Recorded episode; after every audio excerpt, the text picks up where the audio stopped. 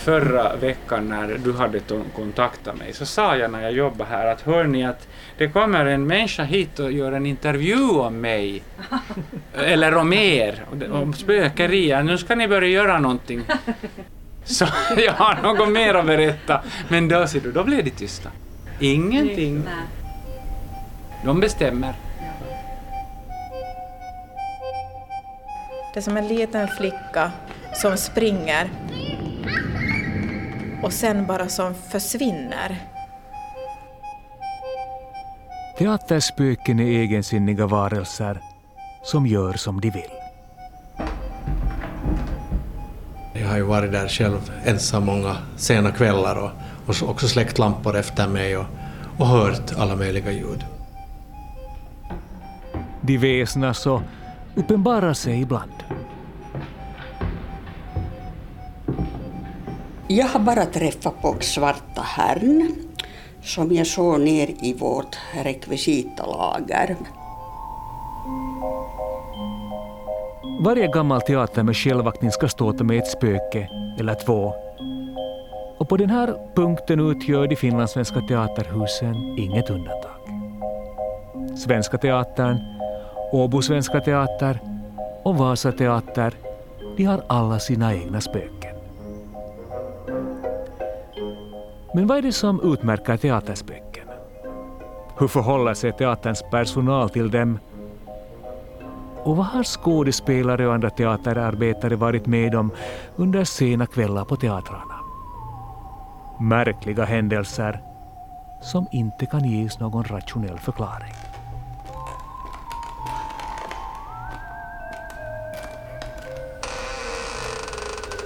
Välkomna till en spökvandring i den vita damens och den svarta herrns sällskap. Mitt namn är Petter Lindberg.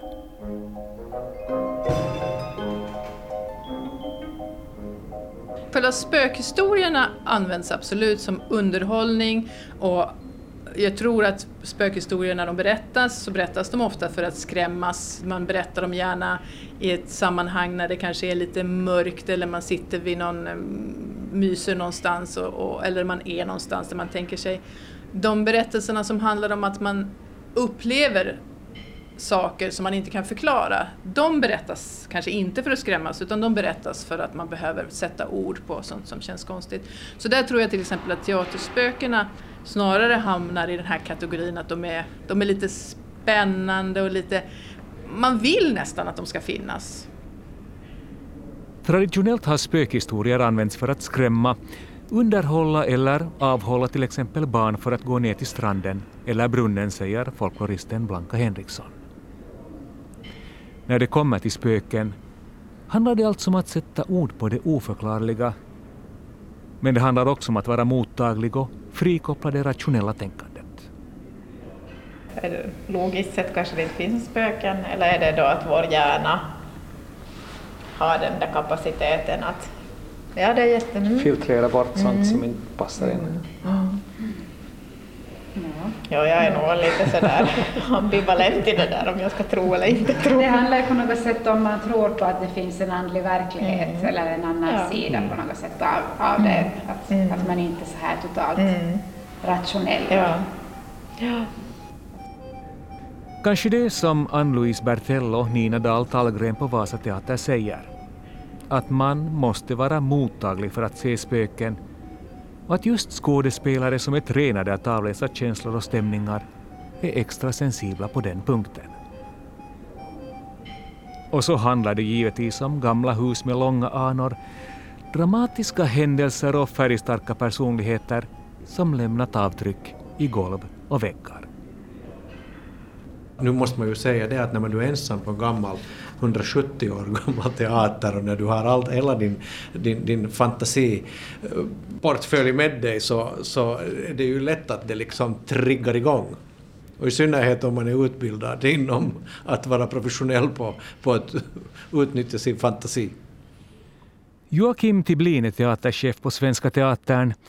Men vi ska ändå påbörja den här spökjakten på hans förra arbetsplats, nämligen Åbo Svenska Teater.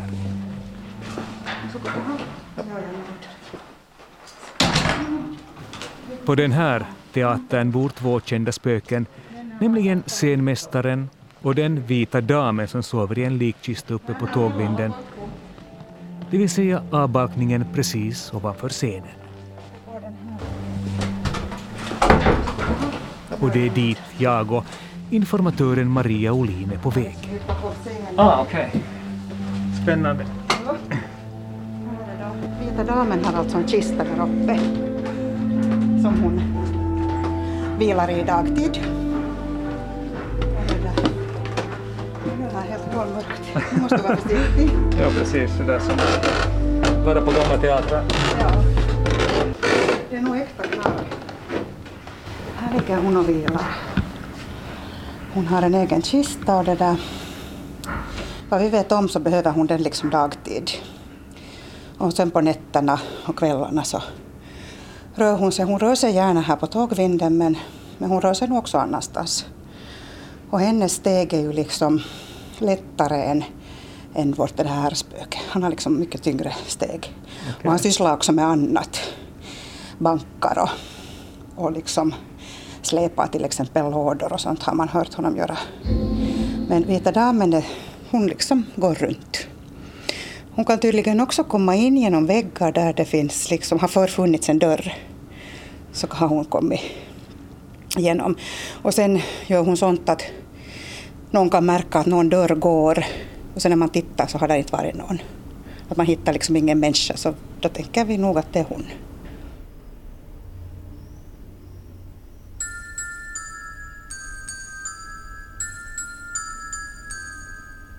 En gång var jag med om det, och det är då min så att säga spökupplevelse på OST, det, när jag var alldeles ny där, jag var kanske 25 år gammal, kanske 24-25, något sånt och så blev jag ensam kvar på teatern, alla har egna nycklar och, och allt var en släkt. Och så tänkte jag att men jag ginar över scenen, att man ser nog att där är de där gröna exit-lamporna, att de ger så mycket ljus att jag hittar ut. Och sen när jag är mitt på stora scenen så hör jag plötsligt bom, bom bom, alltså helt tydliga steg där uppe. Och så ropade jag liksom hallå, hallå. Och så var det knäpptyst. Och så började jag gå igen och när jag hade tagit ett steg så bom, bom. Så blev jag helt i panik och rusade, jag visste vad man kunde tända, så tände alla möjliga lampor och, och ropar igen ”Hallå, hallå, är det någon där?” och tittar där uppe och inte syns det någonting och hörs ingenting. Och så släcker jag allt och rusar ut. Så det var då mitt möte med, med HSTs, någondera spöke kanske.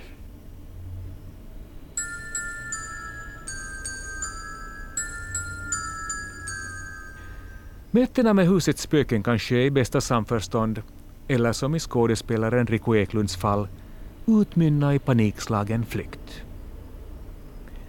Men ibland kan det också uppstå märkliga situationer som i Joakim Tiblins fall, där han som chef på OST måste förhålla sig till något så vagt som spöken. Jag tror vi spelade Les Miserables då och vi hade huset fullt med gäster, eh, anställda. Och det var flera, eller flera, flera, men jag tog emot två eller tre personer som ville träffa teaterchefen för att de hade upplevt någonting övernaturligt. Och det här var mycket speciellt. Det, det här hade jag ingen erfarenhet av och, och, och, att du som arbetsgivare ska tackla de här frågorna så var nog väldigt speciellt. Det finns inte inskrivet i arbetsplatslagstiftningen om hur man ska hantera övernaturliga väsen? Nej, det finns det inte. Det handlar om, om att, som jag också själv har upplevt, att, att lampor plötsligt kan, kan, kan slockna och, eller att man, en lampa som man är säker att man har stängt av har tänts och, och, och, och, och sen att man har känt, och det har jag också upplevt, att man känt något tryck bakom en dörr. Antingen ett motstånd eller någonting. Och, och sen, eh, sen den här känslan som man säkert kan uppleva i många andra situationer, men det är att man känner att man har någon bakom sig.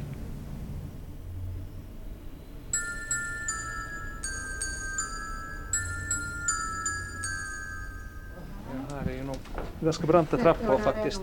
Man förstår att, att det kan behövas en, ett vakande spöke här.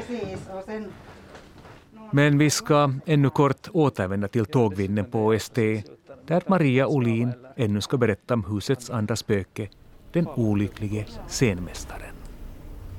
Vårt herrspöke alltså, så han, han har jobbat här som scenmästare och tyvärr var, gick han sen en ganska våldsam död till mötes, alltså han hängde sig här på, ovanför scenen. Så det är obehagligt förstås. Och det där, men han har nog blivit kvar då också. Att det här är kanske ett sånt ställe, jag vet inte, jag tänker sådär att om man liksom har faktiskt dött här, att är man då så ett liksom med det där fysiska eh, rummet att, man, att ens ande blir kvar. Så han är då ganska, ganska hjälpsam och han är ganska flitig. Och han trivs då kanske inte riktigt lika bra här på, ovanför scenen som Vita Damen utan han trivs liksom mera där i sina före detta utrymmen. Och han hade ett arbetsrum där vid verkstaden och därifrån hörs det liksom bankande. Och det där verktyg har försvunnit, att man inte riktigt vet vem har tagit. Man antar att han har kanske behövt dem till någonting och inte återlämnat dem. Sen rör han sig gärna med den där hissen som alltså går då från verkstaden till scenen och också till källaren, att den åker ensam. Och sen när man öppnar så visar det sig att ingen har liksom beställt den och där är ingen. Sen har en av våra ljudkillar en gång, åtminstone en gång märkt att, att eh, när vi har sådana sensorer på vissa ställen i huset, att när man närmar sig sensorn så, så tänds en lampa. Men att den här lampan har tänts fast ingen är nära.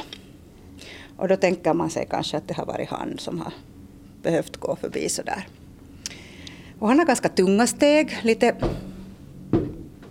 tyngre så här, säger folk som har hört honom. Sen finns här ett utrymme här ovanför scenen där det egentligen inte, alltså att, att man tittar mot taket men där ovanför finns egentligen inte ett fysiskt utrymme men där har man hört att en ganska tung låda som den skulle släpas liksom av och an med någonting ganska tungt.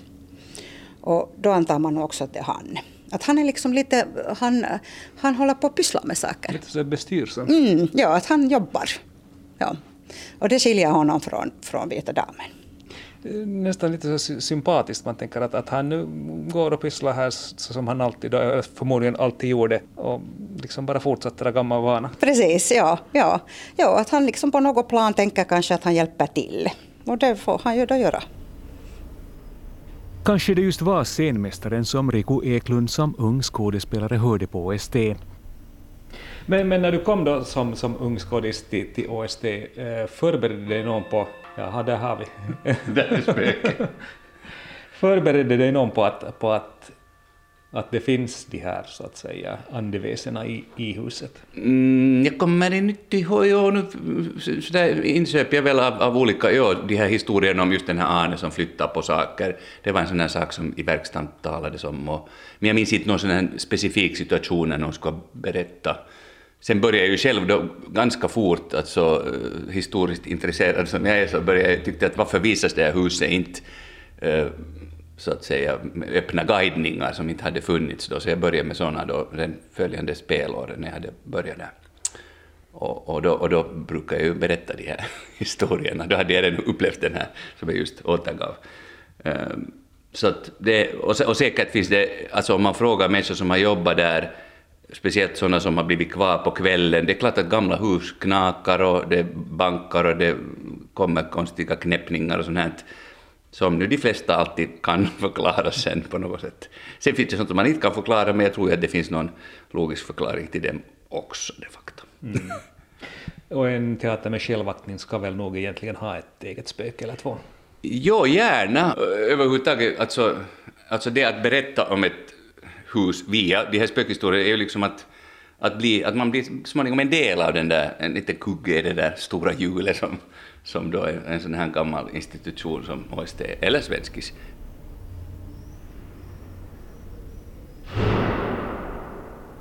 Nu har vi anlänt till Svenska Teatern och precis som OST har också Svenskis sina egna spöken. Så Simon, ska vi gå då? Då går vi. Då går vi. Och nu får du berätta vart vi ska gå. Jag har stämt träff med skådespelaren Simon Heger som vistats mycket i Svenska Teaterns källare eftersom han som hobbykonservator också restaurerar teaterns gamla konstverk. Vi far ner till, till de där um, verkstäderna. Okej. Okay. Okej. Okay. Det där var inte spöke. Det hände en lite rolig grej. Jag var hos uh, Rico Eklund i fredags Ja. och intervjuade honom om spöken. Och mitt i under en fråga så började klockan slå. Ser du? Nå, I och för sig, det var ju det hela över halvtimme, men i varje fall, det var ju lite sådär så häftigt. Ja. Vi har anlänt till verkstaden där följande märkliga sak hände. Det första som hände var att när jag stod här och arbetade, och då var ju hela huset tomt och rest, den här teater, teatern, restaurangen var också tom, ingenting, så hör jag hur det slamras med porslin.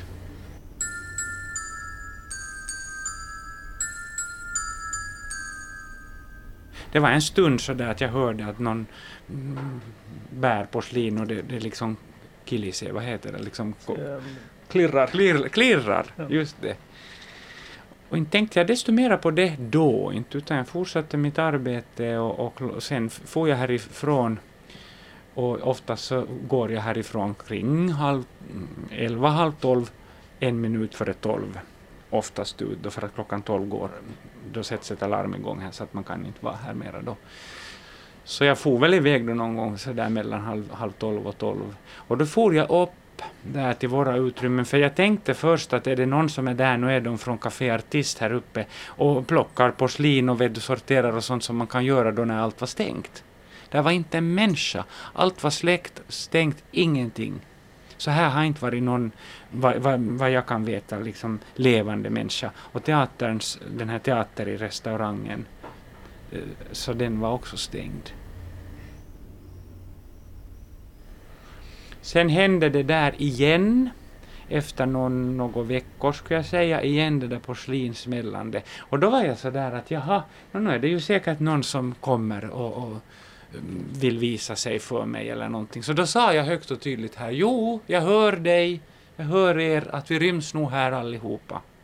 Och inte blir jag rädd eller någonting, utan det känns bara, det känns faktiskt lugnt. Så vi arbetar tillsammans här, jag och, och, och om det är några annan eller vad det är.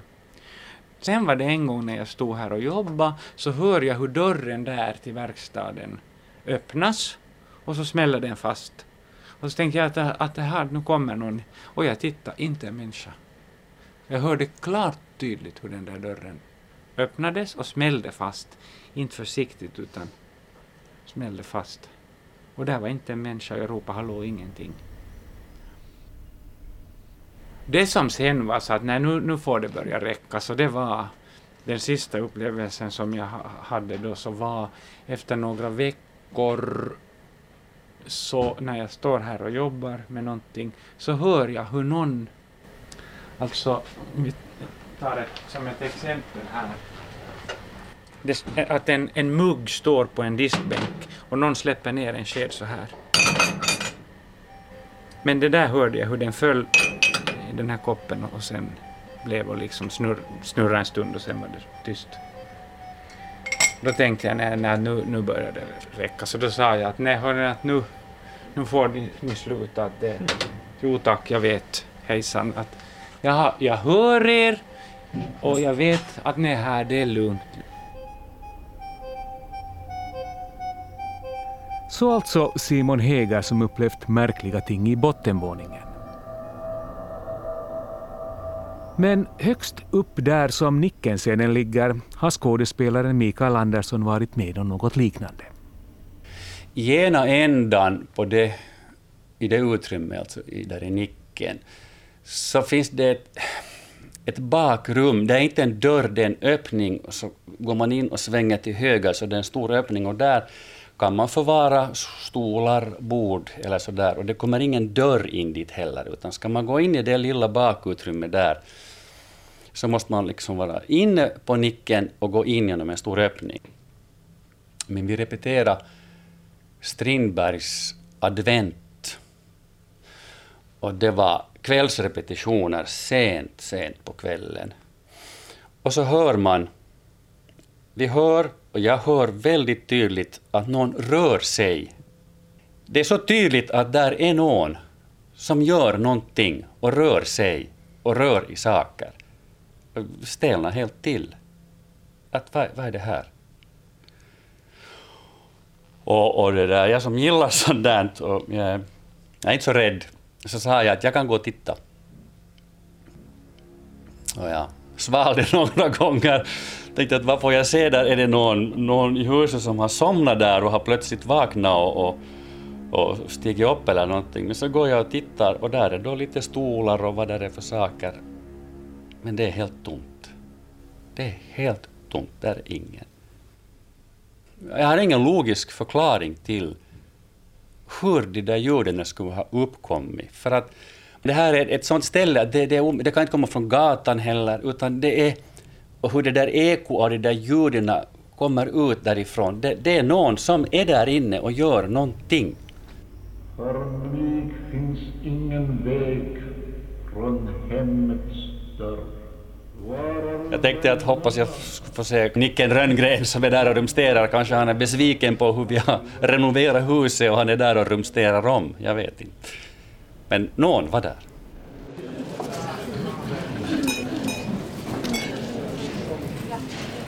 När jag ser de här gamla skådespelarna så kan jag få förnimmelser att hur, hur var det när de på den tiden när de jobbade, föreställningen var slut och de sminkade av sig och de träffades och de satt i artistfoajén kanske och pratade. Jag tror att det, det, den stämningen lever, lever kvar. Ja, sånt lämnar på något sätt avlagringar i ett teaterhus. Ja, onekligen, det tror jag. På teater så handlar det ju väldigt mycket om, om vem har jobbat här före mig. Att det är ju fint att det, det sätts upp föreställning på föreställning, generation efter generation av skådespelare och generation efter generation av publik kommer hit. Och vad finns bandet mellan oss? Dels finns det genom de här pjäserna, du ser kanske någon bild, ja, här har de satt upp någon Shakespeare-pjäs eller kanske någon, och, och, den sätter vi upp här igen 10 år senare, 20 år senare, 100 år senare. Det finns ett, men också det här liksom, eh, tänker mig att det kanske finns en yrkesstolthet också hos skådespelare som det finns i många yrkeskårer förstås. Att man tänker sig att man ändå förvaltar ett arv av något slag. Man för vidare de här berättelserna och den här yrkesskickligheten, den här konsten att trollbinda en publik. Ja, visst kan man som folkloristen Blanka Henriksson se teaterspöken som ett slags kitt som binder samman skådespelare och pjäser över årtionden. Men som i särskilda fall också verkar ha koll på sin samtid. Det vet Ann-Marie Skrabb som jobbar som inspicient på Svenska Teatern. Spökena tycker inte om när man renoverar och bygger nytt. Men kan man någonsin också tänka sig att, att de just då visar sitt missnöje, att de då liksom är extra aktiva? Um, det, det kan hända och det där. Sen har jag nog hört att, att när det är oroliga tider under liksom krigstiden och så, att, att då visar de sig ofta, men det var kanske också beroende på människors oro och osäkerhet. Att det finns så att säga ett slags genklang i det som händer i samhället just då? Jo, det, det tror jag absolut, absolut.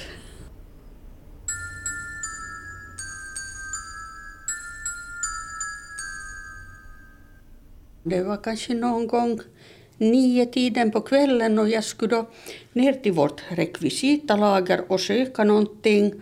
Och så det där öppnade jag då dörren och där i rekvisitagången så ser jag bara en sko, alltså svart botin, sko och äh, det där är svart, äh, alltså pressväxbyxor med uppslag. Jag ser bara ett ben som försvinner mellan, mellan hyllorna. Och då steg nog lite min puls och jag liksom funderade mig så att det här, nu tände jag bara ljuset här och så gick jag och letade efter det som jag var och sökte efter men det, det var liksom... Och jag kan inte på något sätt logiskt förklara att, att hur jag kunde se någonting sånt. Att oftast kan det vara att det, det är någon spegling eller något sånt men jag kan inte förklara hur, hur jag kunde se det som jag tycker att jag såg. No, men, men ska vi gå och titta på, på brottsplatsen? Ja, ja. Ja, då hade jag belysning här och så öppnade jag den här dörren och har in, ännu tänt. Se. Okej, någon som smiter bakom hyllan. Ja. Och då, då stod jag liksom just hade öppnat, jag hade ljus här Ja. så att det lite kommer in. Just det. Och, Och så försvann det bakom hyllkanten. ja, där försvann det bakom hyllkanten.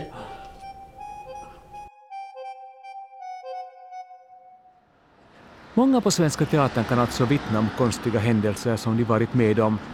Men frågan är om inte Vasateater är den finlandssvenska teater där spökena verkar trivas allra bäst. Hej! Jag har stämt träff med teaterpedagogen Nina Dahl Tallgren. Alltid trevligt att vara här. Ja, men det är ju en bra sak. Eh, nu är det här teaterhuset ju inte så hemskt gammalt om man, man kan tänka- sig att, att, att gamla teatrar de ska ha liksom åtminstone ett eller två spöken för att det på något sätt ska räknas. Men det verkar, verkar ju gå ganska livat till här fast Vasa teater är en ganska ung teaterbyggnad. Ja, det har det ju, men den har ju ändå en, en, en hundraårig historia på det sättet och, och den har ju haft eh, på det viset också, det har varit ett hotell, det har haft en brand, en brand som aldrig fick en liksom förklaring till att varför började brinna, som är ju som ett mysterium i sig och väldigt fascinerande, alltså som fascinerar många människor i vår, när vi pratar om teaterns historia och speciellt när vi guidar och så har vi haft specifika guidningar kring det också, så att jag tror att eh, det finns väl nog som i vår historik mycket sånt som tyder på att det kan finnas en sån där, ett liv här på något vis. Och ett hus med mycket liv också kanske bjuder in, alltså sådär i den atmosfär, alltså som i, i andarnas värld också, att varför, om det nu sen, om man är öppen för allt det här, så varför skulle det då inte finnas, det kan ju finnas var som helst, vad vet vi om det egentligen, var det finns eller vad? Att då inte behöver det ju kanske ha något att göra med att huset är gammalt i sig eller något, utan det det Lite så här uppdämd spänning som sipprar ut i vår värld. mm, ja, det kan man nog definitivt säga.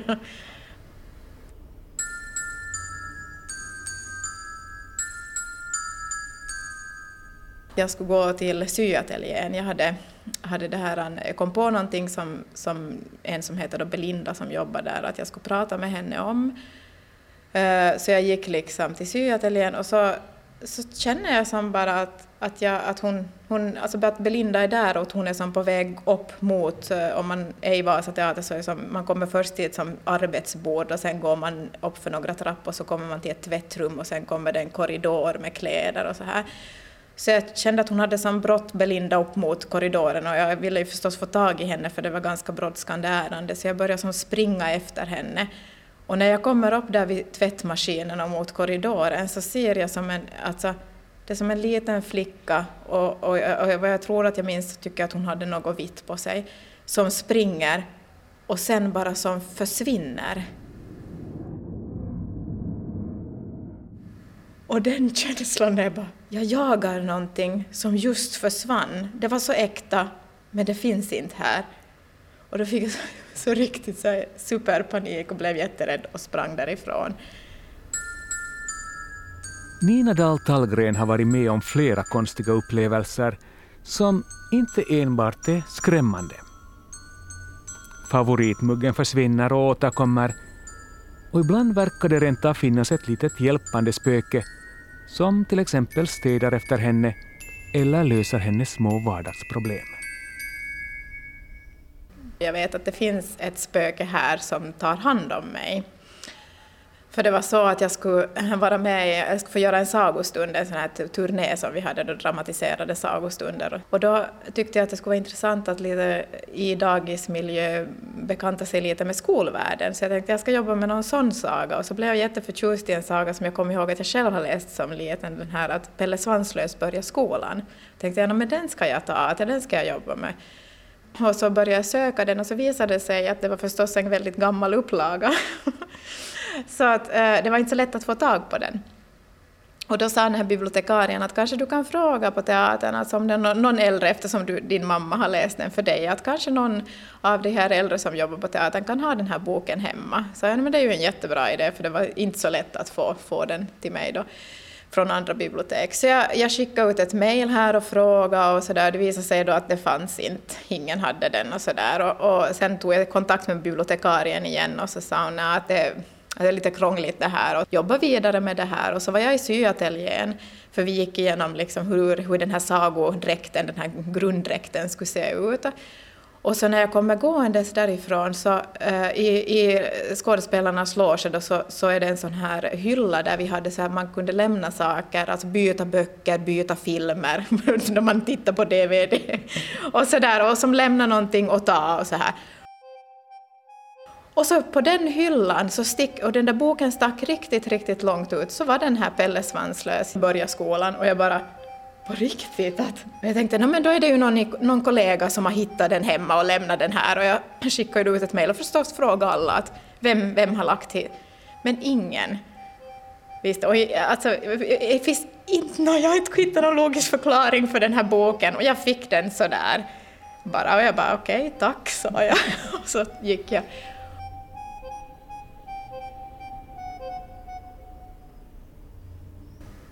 Vi hörde Nina här berätta om äh, vänliga spöken som också huserar här på Vasateatern. Jag tänker mig att, att det finns ju den aspekten också som man kanske lite glömmer bort ibland. Att, att en, ett spöke kan också ha liksom en, en lite så beskyddande funktion. Ja, det är ju en fin, det är ju en fin tanke. Och, och inte vet jag heller varifrån det kommer det där att spökena skulle måste vara, vara onda. Det är väl kanske bara vi själva då, vi människor som lever i den här, i den här världen och i den här dimensionen som, som hyser en rädsla för det där. Vår rädsla för döden kanske och vår rädsla för att... Ja, för tänk om det faktiskt är så att det finns andevarelser eller, eller varelser som är med oss här som, som sitter här eller, och, och som vi bara inte är medvetna om. Att det är så fint det där att vi är kanske som vi är kanske som fiskar som inte vet det där vad vatten, vatten är. Att det är ju den sånt finns det ju väldigt mycket, många teorier om i världen på olika plan. Men, men för min del så tycker jag nog att spöken kan vara helt snälla. Mm. Ja, till och med sådär som att de tar hand om en och, och, och inte bara det, det är på något sätt också en... De liksom sammanbinder traditioner av skådespelare som har jobbat här och som, som redan har försvunnit och, och skådespel som har satts upp och som också har försvunnit, att de på något sätt blir ett slags bindande länk mellan då och nu.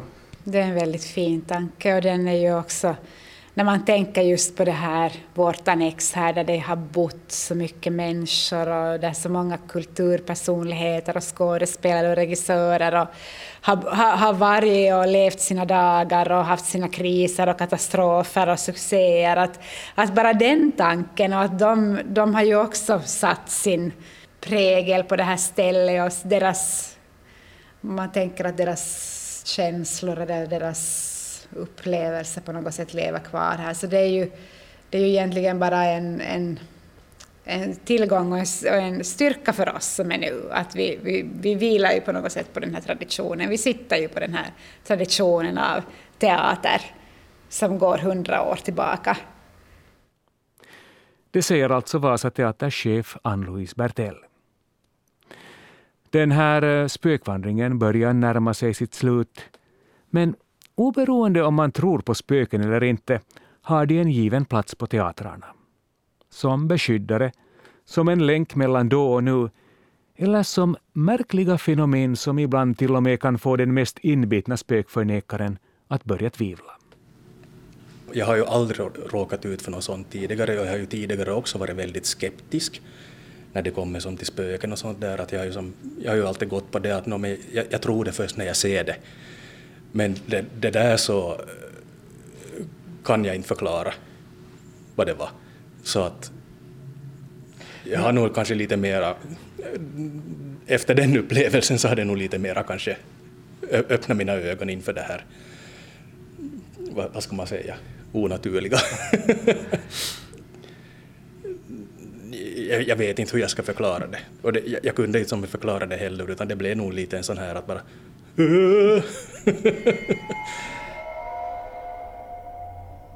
men vad var det då som Vasa Teaters inspicient Morten Backman varit med om? Ja, nu är vi på väg till snickeriet och eh, nu står vi för tillfället då här i monteringshallen. Men vi ska gå igenom den här dörren här så kommer vi in till snickeriet. Det var ju då här som jag då hörde det jag hörde Okej. den där kvällen. Och här, Mm. nu är vi liksom på brottsplatsen. Det, ja, det kan man säga. Yes, det är vi. Och berätta Mårten, vad var det som hände här? Uh, no, det, det hände nämligen så att jag, vi, jag var som egentligen då här och gjorde som det här mitt konstnärliga slutarbete och började på och fixa. När jag då sen mitt i allt så hörde jag att det, ett ljud som att det var någon som på övre våningen sprang och, och, och le, det lät som att det var någon som sprang och lekte men det som var kanske lite mer besynnerligt så var att det lät som att det var ett barn som sprang och skrattade. För jag minns att jag, jag som stannade upp och så här, men vad, vad är det här?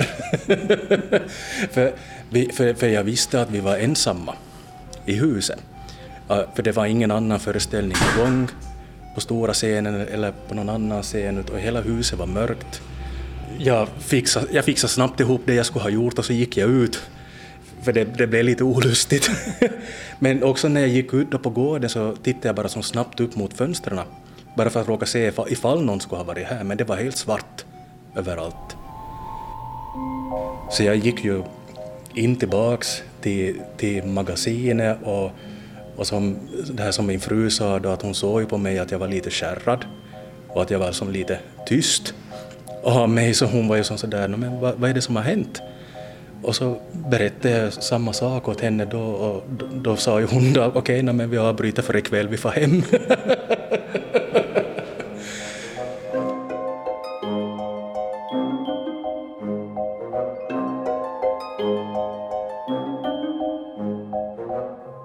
har hört spökdokumentären Vita damen och Svarta herrn, ett program om finlandssvenska teaterspöken.